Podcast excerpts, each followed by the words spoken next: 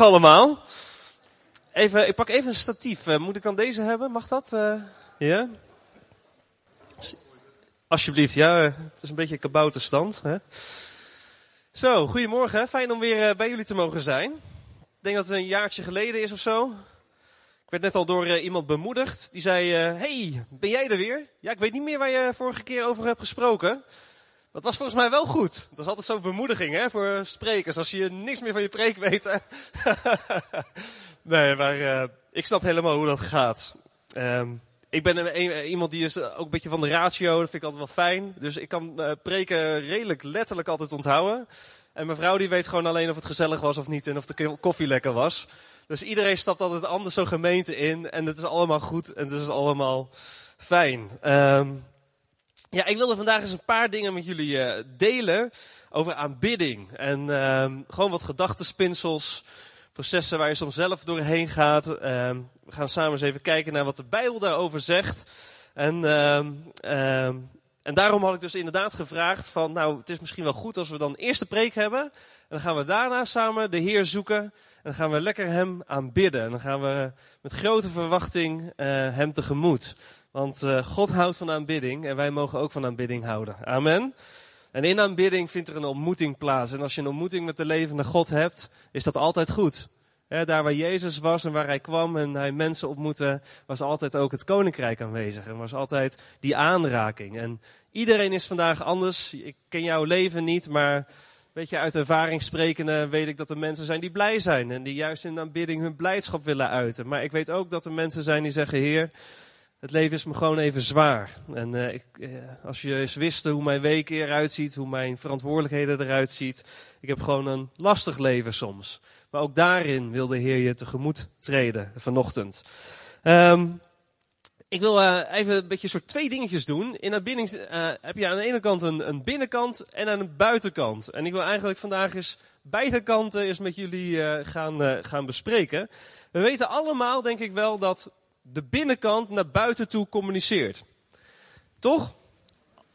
Heeft u wel eens uh, iemand depressief gezien? Nou, dat kan je vaak wel aan de buitenkant zien. Hè? Het, de gesteldheid van het hart, dat kan je vaak wel zien hoe dat, nou ja, wat er in iemand leeft. Ik heb nog nooit iemand uh, gezien die depressief was aan de binnenkant en die uh, helemaal zo met de handen in hoog, hoofd omhoog. Toch? Er is altijd dan een uitstraling naar buiten toe. Dus de binnenkant communiceert naar buiten toe. Weet u, er was pas een onderzoek is er gedaan uh, door Harvard University. En dat onderzoek ging kijken of de buitenkant ook naar de binnenkant toe kon communiceren. En uh, nou, dan gaan we eens even een experimentje doen. Als we allemaal eens even gaan staan. En mag ik u eens vragen om de handen omhoog te doen. Allebei de handen. Zo. En we eens even voelen wat er gebeurt daar binnenin, hè. Stoot je buurman eens aan en de vraag is, voel jij het al?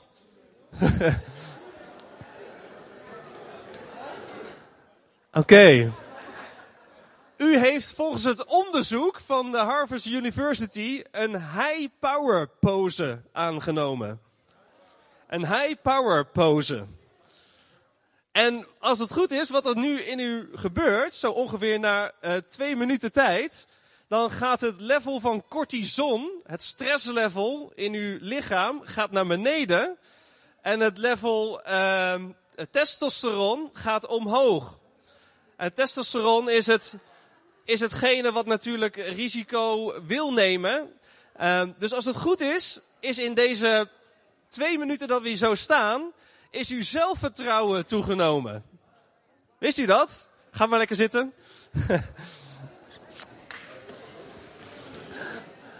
Dus het onderzoek wees uit dat um, ons lichaam ook naar binnen toe communiceert. Wat leuk hè, zo'n onderzoek. En dan is het natuurlijk interessant om te weten dat de Bijbel daar al heel veel over te zeggen heeft. Dat er heel veel over ons lichaam uh, wordt verteld, ook in relatie tot aanbidding. En aanbidding is denk ik iets heel krachtigs. Sowieso is muziek natuurlijk heel krachtig. Um, ik denk dat we allemaal ook wel ervaringen hebben in ons leven. Misschien als je verkering hebt gehad of een relatie of een vrouw. Dan zijn er van die liederen en uh, die doen wat met je. Weet je, dat was het eerste nummer waar je op hebt gedanst. Zijn jullie een stel uh, toevallig? Nou, misschien hebben jullie ook zo'n nummer, weet je. Als dat nummer op de radio draait, dan gebeurt er wat met je. Liederen zijn krachtig. Amen. Um, en dat zie je natuurlijk ook gewoon in de wereld. Als, als de toppers in de arena staan, dan zie je daar die hele mensenmenigte op en neer deinen en, en plezier hebben. Het zet de, de menigte in beweging. Het is zelfs zo sterk dat te tijden van de oorlog um, de Amerikaanse overheid heel bewust stuurde op de muziek om de mannen tot, uh, ertoe te bewegen dat ze zouden megastrijden in de oorlog. Muziek werd ingezet om de menigte in beweging te zetten. Muziek is ontzettend krachtig. Nou, u zult begrijpen dat de muziek waar ik het net over had, om mensen in beweging te zetten, nog niet per definitie aanbidding is. Dat is het raakt ons in onze emoties, maar is in, in essentie natuurlijk nog helemaal niet aanbidding. Want aanbidding gaat over de Heere God zelf. Het gaat over dat we Hem mogen ontmoeten. Degene die de hemel en aarde gemaakt heeft. Hem mag je een ontmoeting hebben met de levende God. En wanneer dat gebeurt, ja, dat is, dat is fantastisch. Dan leren we zijn wezen kennen. En je reageert op wie God is. Dat is ten diepste aanbidding. Ik weet niet of jullie wel eens een reis hebben gemaakt naar, naar Zwitserland of naar, naar die landen waar je dan prachtige natuur hebt. Wij zitten dan als gezinnetje altijd zo in de, in de auto. Oh, wauw. Fantastisch. Je reageert op wat je ziet. Aanbidding is ten diepste ook reageren wat je ziet in het hart van God. Weet je, als je, als je God leert kennen en je ziet de liefde die voor zijn aangezicht is. David die zei, ik stel de Heer bestendig voor ogen. David reageerde op wat hij zag bij God. Hij zag iets moois in het wezen van God. En er kwam een loflied uit zijn hart. Er was aanbidding op zijn hart. En, uh, um, en dat is ten diepste dus um, het mooie van aanbidding. En het leuke is ook, hoe meer je van God gaat proeven, hoe meer honger je gaat krijgen naar Hem. Dat is, een, dat is een tegenovergesteld iets in het koninkrijk van God. In het natuurlijke is het zo, als we onszelf voeden, dan raken we verzadigd. En dan hebben we eigenlijk, als, we, als je één ijsje eet, dan is het lekker. Als je tien ijsjes eet, is het niet meer lekker. Dan heb je er geen zin meer in. Bij God werkt dat niet zo. Als je van God gaat proeven in aanbidding en je krijgt ontmoetingen met Hem, dan komt er alleen maar een grotere honger in je leven naar meer van Hem. Hoe meer ontmoetingen met God, hoe hoe meer je als het ware, ja, ik zeg altijd ruined, wrecked in het Engels, verpest bent in de, in de goede zin van het woord, omdat je alleen maar meer van, van God wil, wil kennen en proeven. Um, en de Heer zegt er nogal wat van. Ik denk ook dat de Bijbel, je hebt allemaal rode lijnen in de Bijbel. Mag ik, mag de presentatie ook uh, aanzetten? Je hebt allerlei rode lijnen in de Bijbel en een van de rode lijnen is aanbidding. En, en, en, en, en je ziet in de Bijbel continu dat er het uiteindelijk ertoe aankomt, wat of wie aanbidden we. In openbaring, hè, dan zien we daar uh, het lam geslacht en aan de andere kant dat beest. Uh, en, en, en de grote vraag is uiteindelijk, aan wie geven we nou onze aanbidding? Aanbidding is een rode draad in de Bijbel. En de Heer Jezus zegt daar op een gegeven moment iets over in Johannes hoofdstuk 4. En dat, die tekst wil ik graag even met jullie lezen. Johannes hoofdstuk 4. Um, ehm, ja, dankjewel, daar staat hij al. Even de context. Uh, Jezus gaat een beetje buiten de ge, ge, geëikte banen. Hij komt in Samaria en daar heb je een stadje, Sigar. En daar ontmoet hij een vrouw bij een bron. En, um, en die vrouw, daar hebben ze dan een gesprek mee. En daar vindt een soort dialoog plaats. En, um, en dan uiteindelijk zegt de Heere God of de Heere Jezus tegen haar, maar de tijd komt en is er nu dat de ware aanbidders de Vader zullen aanbidden in geest en waarheid. Want de Vader zoekt wie hem zo aanbidden. God is geest en wie hem aanbidden, moeten hem aanbidden in geest en in waarheid. Er was in die tijd, denk ik, een beetje een misverstand over wat aanbidding was. Want die vrouw die was in dialoog met Jezus en die zei: Ja, aanbidding, dat, dat moeten wij toch daar op die berg doen. En jullie doen dat toch daar in Jeruzalem. En misschien denken wij met elkaar wel, of denk jij wel, ja, aanbidding, dat, dat doe je dan toch alleen maar in de kerk. Als we liederen zingen. En de Heer Jezus zegt: Nee, dat is het niet. En hij geeft eigenlijk een sleutel aan aan deze vrouw van. Je mag ten alle tijden, overal waar jij bent, mag je God aanbidden. Het is eigenlijk best wel een, een diepe sleutel die, die God, die de Heer Jezus geeft aan deze vrouw. Hij brengt het naar de kern toe. En uh, ik heb me daar eigenlijk daar een beetje over verbaasd. Als jij nou, Peter, als jij nou sleutelonderwijs moet geven binnen de WPE, nou dat doe je dan misschien nu niet meer in die hoedanigheid. Maar dan zoek je toch mensen die, nou ja, toch een beetje in aanzien zijn, die, uh, waar, waar, je weet, daar kan ik het aan kwijt. Uh, die gaan er ook echt wat mee doen. En Jezus geeft eigenlijk sleutelonderwijs aan een vrouw in Samaria. Nou, dat was al, dat was al voor de Joden, was dat een soort uitgesloten gebied. Daar kwam je niet. Dan was het ook nog eens in Sigar. En Sigar betekent leugenstad.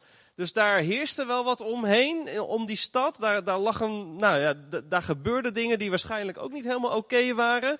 Um, en dan was het nog een vrouw die overdag bij een waterput kwam. Op een tijd waarin dat helemaal niet gebruikelijk was. Er waren helemaal geen andere mensen. Dus waarschijnlijk was het toch een beetje de outcast van de samenleving. En uit het, vrouw, uit het verhaal blijkt ook nog eens dat ze vijf mannen had.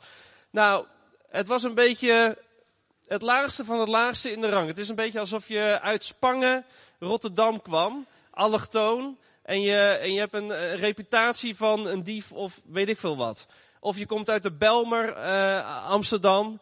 En nou ja, met een hele bagage. En Jezus geeft aan deze vrouw sleutelonderwijs. Ik denk dat deze vrouw s opstond en dacht, ik heb weer zo'n troosteloze dag. Niemand mag me, de hele wereld uh, is tegen me. Ik leef ook nog eens een keer in het uh, meest, uh, uit, uit ja, meest verlaten stukje van Israël in de zin van, hè, daar, daar lag geen sociale status. Was het alsof deze vrouw misschien elke dag wel wakker werd met een soort mistbank over haar heen van troosteloosheid en triestheid?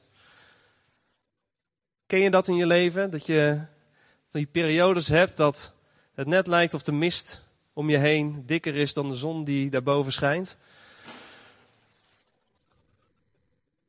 Nee? Kennen we denk ik allemaal wel. En Jezus geeft deze vrouw een sleutel om daar bovenuit te stijgen. Want aanbidding is een krachtig wapen.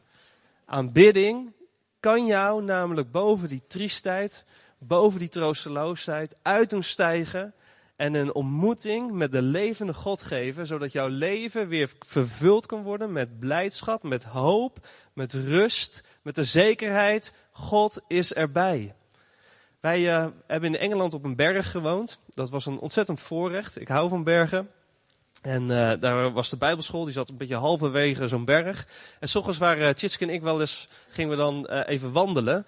Een ochtendwandeling maken voordat de school begon. Dan keken we wel eens uit het raam en dan had je die dikke mist. Nou, het was gewoon een soort trieste bedoeling. Weet je, het was bedrukkend, benauwend. Dat gaf geen gevoel van opgewektheid of zo. En dan gingen we een wandelingetje maken en dan kwamen we zo boven daar bij die top. En opeens steeg je er bovenuit. En daar was die zon, die scheen. En uh, daar was de blauwe lucht. Er was opeens, voelde je de warmte van de zon. En, en, en het is, ik weet niet of mensen dat wel eens die ervaring hebben gehad. Maar opeens voel je dan ook van binnen, je voelt je weer hè, lekker. Weet je, het is weer even, je kan van je afkijken. Je ziet dat witte wolkendeken, daar keek je helemaal overheen. Als je vliegt trouwens, heb je dat natuurlijk ook. Dan stijg je ook opeens boven, boven de wolkendek uit. En opeens kijk je veel verder. En, en is het, de zon schijnt. Jezus gaf deze vrouw het vermogen om boven het wolkendek uit te stijgen. En hij zei, je, je hoeft niet alleen maar naar Jeruzalem toe te gaan. Je hoeft niet alleen maar op een berg te aanbidden. Nee, je kan het ten alle tijden doen. Er is altijd een een, een, een, een gelegenheid in jouw leven om God te kunnen ontmoeten. Als ik de volgende dia mag zien, is wat doet namelijk aanbidding? Aanbidding maakt God groot.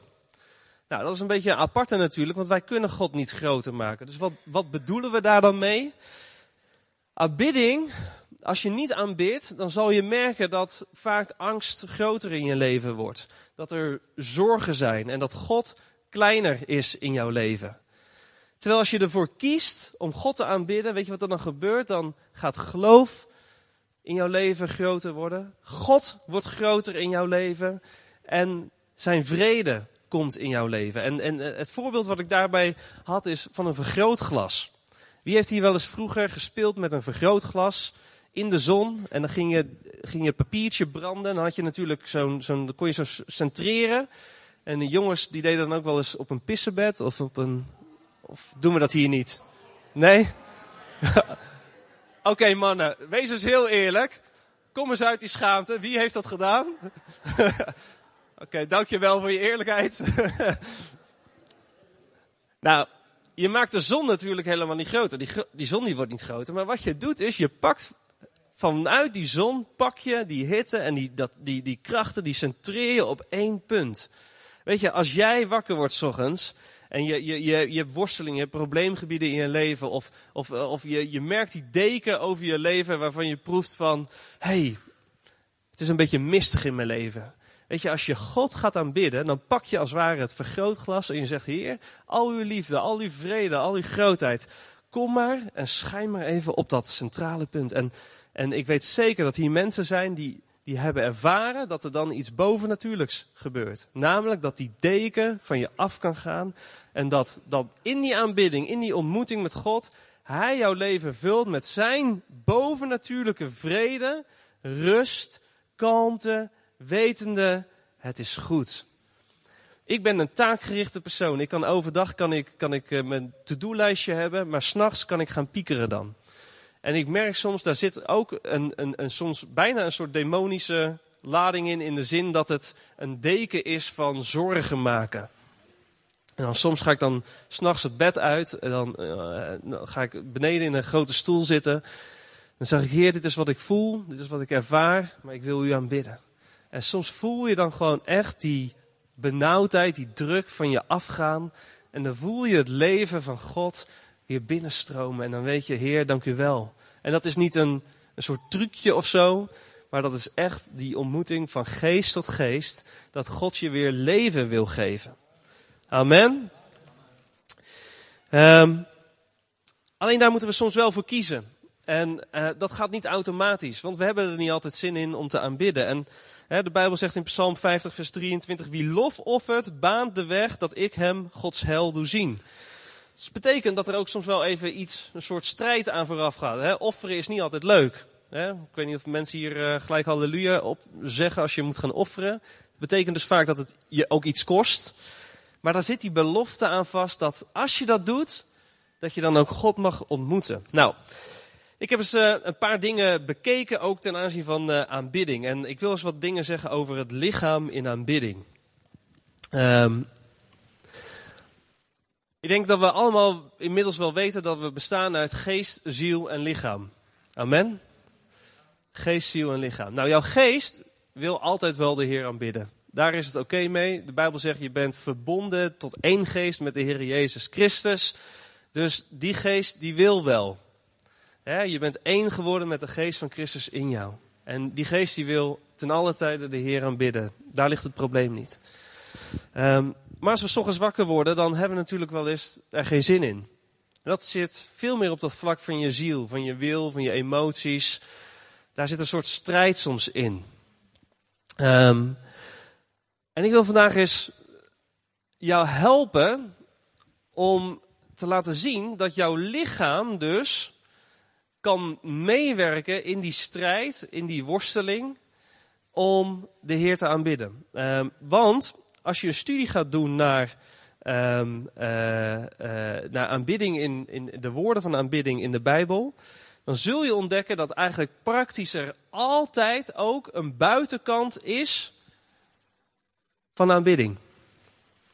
Dus de Bijbel, zodra het spreekt over aanbidding, woorden van aanbidden um, of, of juichen of de Heeren prijzen, dan um, zit daar in de volle betekenis van dat woord ook vaak een lichamelijke houding wordt er mee gecommuniceerd. En, en helaas door de vertaling, hè, omdat we soms kiezen om één woord altijd maar één woord te, door te vertalen, um, zijn we dat soms een beetje kwijtgeraakt. En ik wil gewoon eens een paar van die punten met jullie uh, benoemen. Allereerst het opheffen van handen. Nou, dat hebben we net al gedaan. Uh, Klaagliederen 3 vers 41 zegt, laten wij met onze handen ook ons hart opheffen tot in de hemel.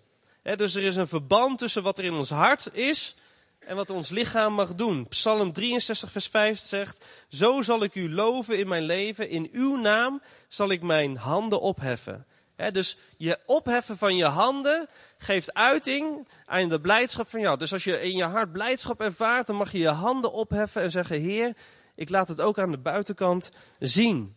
Ehm, dan Psalm 41, vers 2. Laat mijn gebed als reukwerk zijn voor uw aangezicht staan. Laat mijn opgeheven handen als een avondoffer zijn. Het opheffen van handen is ook een, een daad van aanbidding.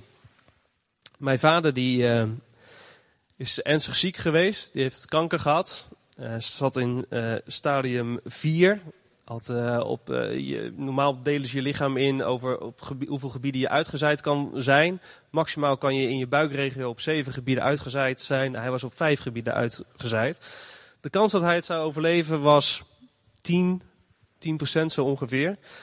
En in die periode had ik veel gesprekken met hem. En ook over, ja, hoe, hoe doe je dat nou in gebed?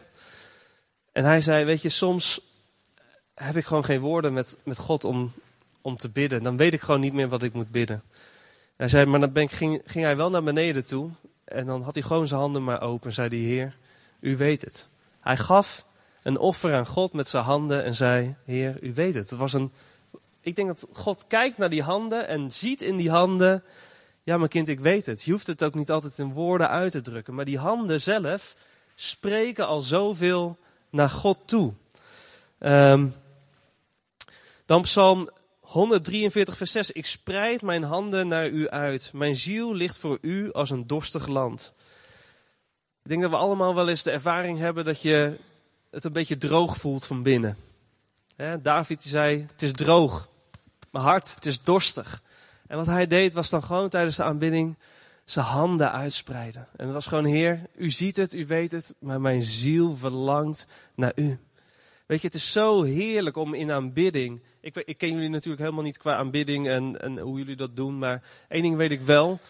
Is dat het voor mij zo bevrijdend was toen ik voor het eerst eens een keer in een nummer gewoon lekker mijn handen kon uitspreiden en zei: Heer, ik heb u nodig. En al simpelweg door je handen uit te spreiden en, en, en erkenning te geven, Heer, ik verlang naar u. in dat moment gebeurt dan al zoveel. Hè? Dat is soms zo bevrijdend om gewoon je lichaam mee te laten communiceren met wat je van binnen ervaart. Dan een ander ding, het klappen in onze handen. Psalm 47, vers 1 en 2. Alle volken, klap in de handen, juich voor God met luide vreugdezang klappen van handen. Dat geeft uiting aan, aan de blijdschap die we ervaren. Um, het is ook soms, soms merk je wel eens in de samenkomst dat er een matheid is. Um, in Alkmaar hebben we dat wel eens in aanbinding. Dan proef je een soort matheid. En het klappen van handen kan dat gewoon ook doorbreken. Wist je dat? Als je, heb je dat wel eens ervaren in de samenkomst? Dat je, dat je merkt, het lijkt een beetje mattig te zijn. Maar weet je wat je dan kan doen? Dan kan je in jouw rij kan je ervoor kiezen. Ik ben niet alleen afhankelijk van wat er op het podium gebeurt. Nee, ik ben zelf ook aanbidder. En dan moet je maar eens gewoon gaan klappen en zeggen: Heer, u bent groot. In jouw rij aanbiddingsleider gaan zijn. Nou, wedden dat er jouw omgeving gaat veranderen waar dat, waar dat gebeurt. Ik had pas had ik een vrouw en die zei: Ja, soms dan is de muziek op het podium is niet helemaal alles wat. Hè, daar hebben we dan onze, onze meningen over. Maar ze zei: Het doet er niet toe ik ben in mijn rij, ben ik de aanbiddingsleidster. En ik kies ervoor om te aanbidden. En ik ga daar het voortouw in nemen. Dus als het op het podium mat is, ben ik gewoon degene die de Heer gaat aanbidden, klappen, juichen. Halleluja. En ze zeggen het leuke is, dan zie je vaak dat je omgeving gaat meebewegen. Nou, om eens even een beeld te geven hoe we dat met die vertalingen hebben gedaan. En hoe dat soms wat beperkend is, hoe het soms wat uh, tekort doet in onze Nederlandse taal. Bijvoorbeeld het woord juichen, wordt, uh, dat komt van het woord geel. En daar zou je onder andere ook kunnen, het volgende kunnen vertalen. Zich verblijden of verhuigen. Nou, dat, dat is nog oké. Dan rondtollen of draaien onder de invloed van krachtige emoties.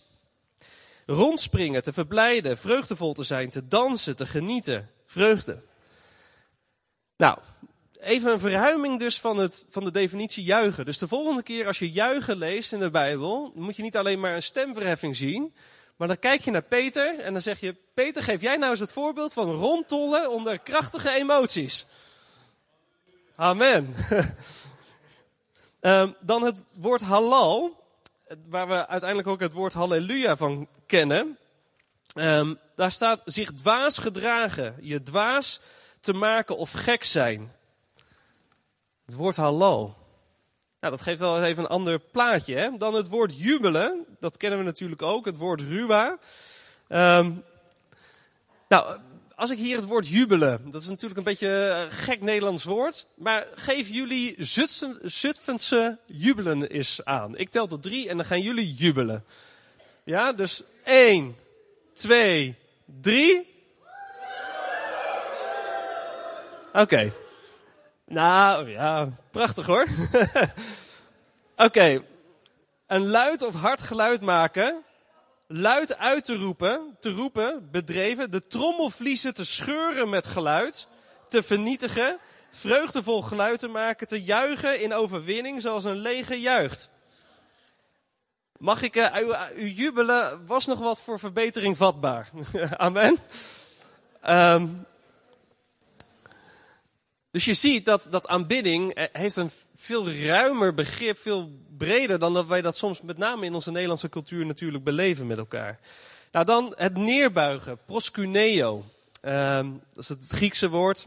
Daar zat uh, eigenlijk het respect ook in naar een hogere autoriteit. In die cultuur had je natuurlijk het, het kussen van de handen. Als je, als je tegenwoordig ook uh, die serie kijkt op Netflix, The Crown heb je dat natuurlijk ook, hè? die eerbied naar, naar uh, Elisabeth, de koningin van Engeland. Dan zie je die mensen in die hoedanigheid eerbied geven aan de autoriteit van de vorstin. En soms ook die, die hand kussen. Ja, ik zal je hand niet kussen, dus zit, wees maar gerust. um, maar dat is het neerbuigen waar de Bijbel ook over spreekt in aanbidding. Um, en dan uiteindelijk het woord uh, shaga. En uh, dat is het Hebreeuwse woord voor neerbuigen. En daar, dat, dat gaat nog eigenlijk dieper.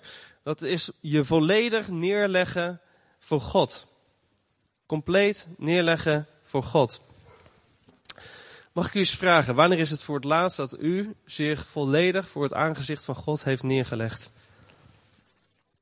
Wanneer is het voor het laatst dat God heeft gezien aan jouw lichaam en dat hoeft niet hier in de kerk, maar gewoon ook in je, in je, in je stille tijd.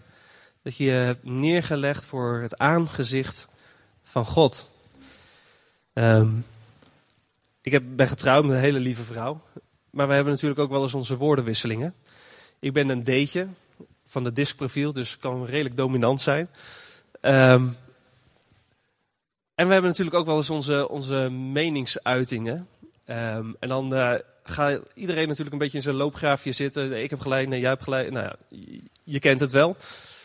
Um, en weet je dan, soms dan merk ik gewoon, als ik dan naar mijn, uh, mijn kamertje ga boven op zolder, dan merk ik dat er gewoon een diepe, vette rebel in me zit die gewoon gelijk wil hebben.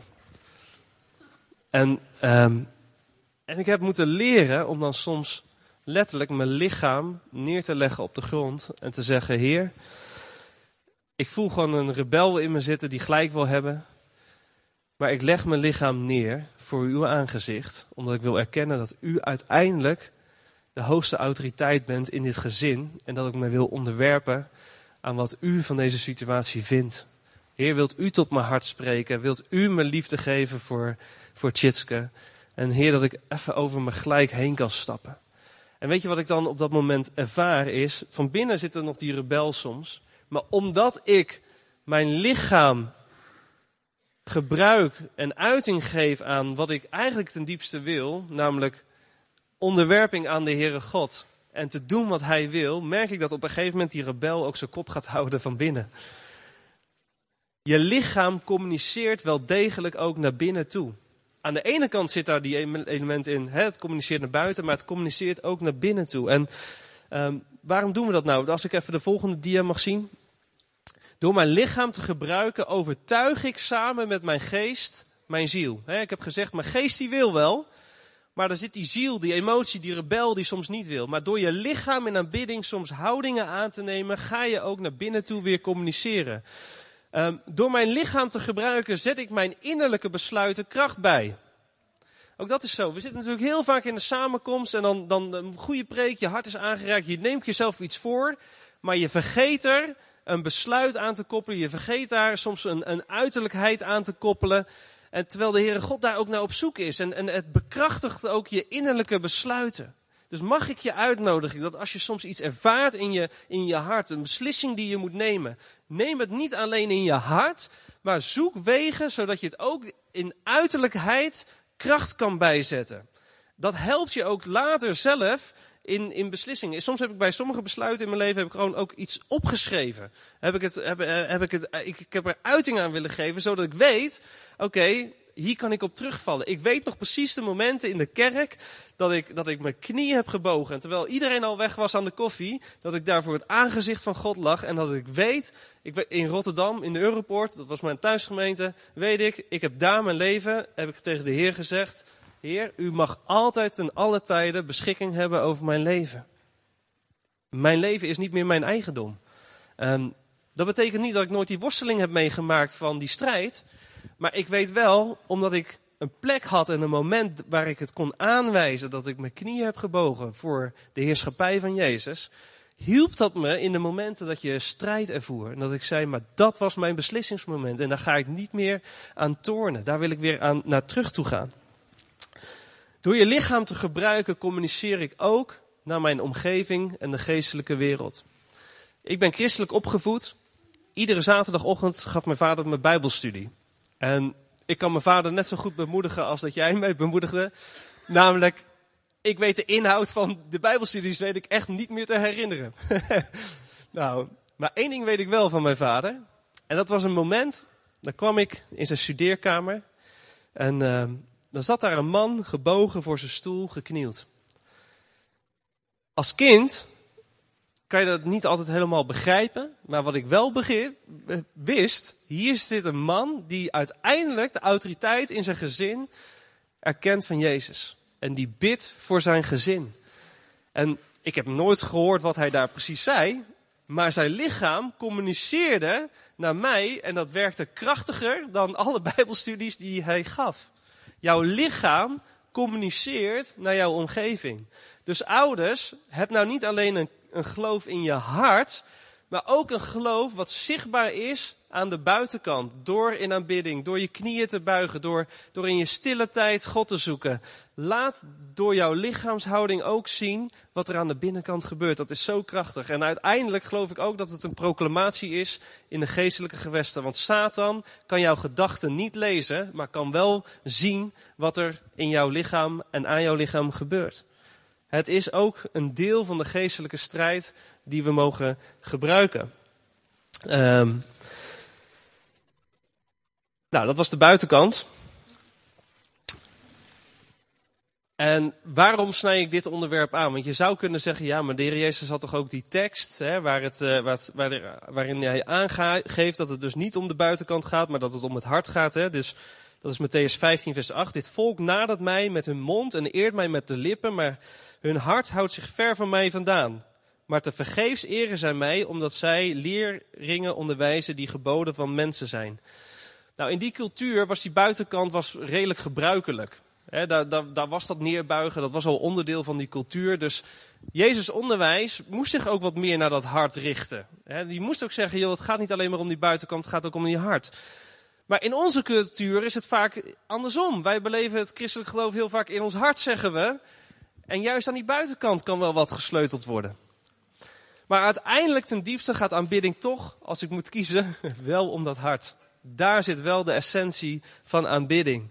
En aanbidding is dan niet het liedjes zingen, het is niet het klappen, maar het komt erop neer dat wanneer Gods plan en wil met jouw leven kruist met je eigen verlangens, dat er dan een moment in jouw hart komt dat je zegt, Heer, niet mijn wil geschieden, maar uw wil geschieden. Het woord neerbuigen, shaga, dat wordt in uh, het Oude Testament een paar keer gebruikt in verhalen.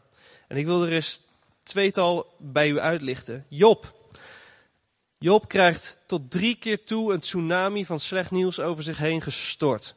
Zijn gezin, zijn dieren, zijn vee, zijn hele hebben en houden is weggenomen. En wat staat er dan vervolgens in Job 1, vers 20? Job stond op, scheurde zijn bovenkleed, schoor zijn hoofd viel op de aarde en boog zich neer. Dat is dat woord shacha, waar ook die aanbidding en die onderwerping aan God aan zit. En dan zegt hij, de Heere heeft gegeven en de Heere heeft genomen. De naam van de Heere zij geloofd. Hier was een man die anders had gewild, anders had verlangd. Maar op de kruising waarin Gods plan, of hoe dat dan ook werkte, anders liep dan zijn verwachtingen, was er in het hart van Job toch een houding, Heer, uw plan is beter. Een ander verhaal, Abraham. Abraham heeft zoveel, zoveel beloften gekregen over je zal gezegend worden en, en, en je krijgt kinderen. Er zal een volk uit jou ontstaan. Wat fantastisch, Abraham. Heerlijk om dat mee te mogen maken. En dan krijgt hij uiteindelijk die vervulling van die belofte. En dan vraagt God, wil jij je zoon gaan offeren? Mag ik je eraan herinneren dat dat niet in de lijn der verwachting lag van Abraham? Dat zijn verlangens wel heel anders waren. En dan gaan ze samen op reis met Isaac. En dan in Genesis 22, vers 5 komt Abraham op het punt dat hij zegt: En ze gingen God aanbidden, Shacha. Hij onderwierp zich aan Gods wil, die dwars inging, volgens mij, tegen wat hij zelf wilde. Maar er was een, een innerlijke houding: Heer, niet mijn wil geschieden, maar uw wil geschieden. Aanbidding is uiteindelijk de onderwerping van jouw hart. Niet dat jij jouw wil en jouw verlangens gaat uitvoeren, maar dat je Gods wil en Gods verlangens toestaat in jouw leven. En het ultieme voorbeeld was toen Jezus in Gethsemane met het kruis voor zich, wetende dat hij daar moest gaan sterven, zich neerboog en zei, Heer, niet mijn wil geschieden, maar uw wil geschieden. Aanbidding is ten diepste onderwerping aan de wil van God. En je kan de buitenkant van alles willen doen, maar als het uiteindelijk er niet toe leidt in je leven dat je hart zich onderwerpt aan God, heb je de essentie van aanbidding niet begrepen. En uh, daarmee wil ik eindigen. Uh, misschien een beetje een zware, zware tenor aan het eind. Uh, maar ik wil je gewoon uitnodigen om in aanbidding jezelf te geven. Je hart te geven. Weet je, ik weet ook niet, je kan zeggen, ja, heb ik dat nou wel, heb ik dat nou niet? Um, heb ik al die, die, die zware onderwerping aan, aan het wil en het plan van God en hoe zit dat dan? Weet je, ga hem gewoon aanbidden. Zodra je verliefd wordt op Jezus, zodra je hem gaat leren kennen, des te makkelijker het ook wordt in je leven om, om, om jezelf te onderwerpen aan hem. En um, ik moest uh, onderweg hierheen ook, uh, ik zat te bidden, Heer, uh, wat, wat, ja, wat, wat leeft er? En ik vroeg me af, zijn hier alleenstaande ouders of, of, of, uh, die verantwoordelijkheid hebben voor een gezin en gewoon nu even het idee ook hebben, ik sta er een beetje alleen voor. Zijn die mensen hier? Ja. Ja. Nou, ik had echt de indruk dat, dat God jullie gewoon vandaag wil bemoedigen. um, Weet je, je leven is pittig soms. Als je er alleen voor staat, je hebt de verantwoordelijkheid voor je gezin, dan is dat heftig. Dan kan het wel eens zijn dat je net zoals die vrouw daar in Sigar in Samaria denkt, als ik wakker word, je moest eens weten wat voor verantwoordelijkheden en taken ik allemaal op mijn leven heb. Het is pittig. Maar ik heb echt de indruk dat God A ten eerste je ziet staan. En hij heeft heel veel liefde en respect voor je. Weet je, hij ziet je staan. Hij ziet iedere dag die dikke mist van verantwoordelijkheid op je schouders rusten. Hij wil gewoon tegen je zeggen, ik hou van je. Maar ik geloof ook dat God je wil uitnodigen om hem lekker te gaan aanbidden. En uh, weet je, zoals hij die vrouw een sleutel gaf om hem te aanbidden, mag ook jij, en dat geldt natuurlijk voor meerdere mensen hier die misschien moeite in hun leven ervaren, we mogen God gaan aanbidden. En iedere ochtend zoals wij die ochtendwandeling maakten op die berg, en boven die mist uitstagen en, en die ontmoeting hadden met de zon en die warmte en de vergezichten. Zo wil God je uitnodigen om gewoon iedere ochtend in aanbidding Hem te ontmoeten. En even boven die mist uit te stijgen en een ontmoeting met Hem te hebben. En dat is de uitnodiging die ik je gewoon wil geven. En dat is de reden waarom we nu gaan aanbidden. Ik wil je gewoon uitnodigen, ga God ontmoeten. En voel je vrij, hè? Dus als je wil rondtollen van, van blijdschap en aanbidding, Peter doet het voor. Je mag hem navolgen. Um, maar mijn uh, idee was het volgende. Kijk, in aanbidding. We kijken heel vaak in aanbidding naar elkaar. Wat doet mijn buurman? en ik wil gewoon ergens bewerken dat je gewoon lekker de vrijmoedigheid voelt vandaag om God te aanbidden op jouw manier. Als jij, als jij ervaart, ik wil hier neerliggen, ik wil hier me knielen voor het aangezicht van God, kom dan naar voren en, en zeg, Heer, hier ben ik. Als jij je blijdschap wil uit om te dansen, zoek dan ergens een plekje op om heerlijk te dansen voor het aangezicht van God. Als jij bij het kruis wil neerknielen, voel je vrij. Maar het voornaamste is, is dat, je, dat God vandaag jou wil ontmoeten. En uh, ik heb het volgende voorstel ook. Volgens mij zijn er ook mensen van het gebedsteam. Um, dat er een paar mensen van het gebedsteam misschien even aan de zijkant staan. Want soms is het ook gewoon lekker om even met iemand naar de Heer Jezus te kunnen gaan. Misschien is die, die mist zo dik in jouw leven dat je zegt: help me gewoon even om, om daar doorheen te ploegen. En ik wil gewoon graag woorden van leven horen. Van de levende God. En dat we gewoon met jou mogen bidden. Zullen we dat gaan doen? Oké, ik ga nog, zullen we gaan staan? Dan ga ik nog even een algemeen gebed bidden. Vader, uh, dank u wel, Heer, dat u de levende God bent, Heer, dat u ons kent. Heer, u bent vandaag hier. En Heer, waar u bent, daar is leven, daar is hoop, daar is vertroosting, Heer. En Heer, u kent ons allemaal. Heer, u kent de mensen hier in Zutphen. Halleluja. Zeg eens in je hart, Heer, dank u wel dat u mij kent. Heer, u kent ons. Heer, u weet ons diepste bestaan. U kent onze worstelingen. En Vader, deze ochtend willen we u gaan aanbidden. Jezus, we willen u aanbidden. Heilige Geest, we willen u welkom heten in ons midden. En Heer, de dag is goed wanneer we u hebben ontmoet. Heer, en al het andere, dat boeit niet, Heer. Dat is allemaal niet belangrijk. Als we maar u ontmoeten, Heer Jezus. En Heer, we willen tegen u zeggen, Heer, we houden van u. Heer, u bent goed, Heer. Ook al voelen we het soms niet, u bent ten alle tijden goed, Heer. En we verlangen naar u, Heer. En eh, Heer, daar waar zwaarte is, daar waar moeite is, waar verantwoordelijkheden als jukken op ons leven rusten. Vader, ik bid dat uw geest vrij, vrijheid gaat geven, Heer, deze ochtend. Heer, dank u wel dat we onze jukken op u mogen gooien. En dat u zegt, mijn juk is licht deze ochtend voor jou, mijn kind. Ik zie je staan, ik zie je worstelingen. En ik wil niets liever dan jouw liefde geven, bemoedigen en vertroosten. Halleluja. Heer Jezus, wees zo welkom. Amen.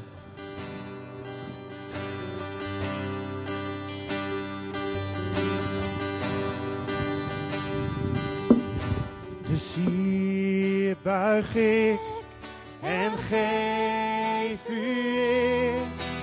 Jezus, wees zo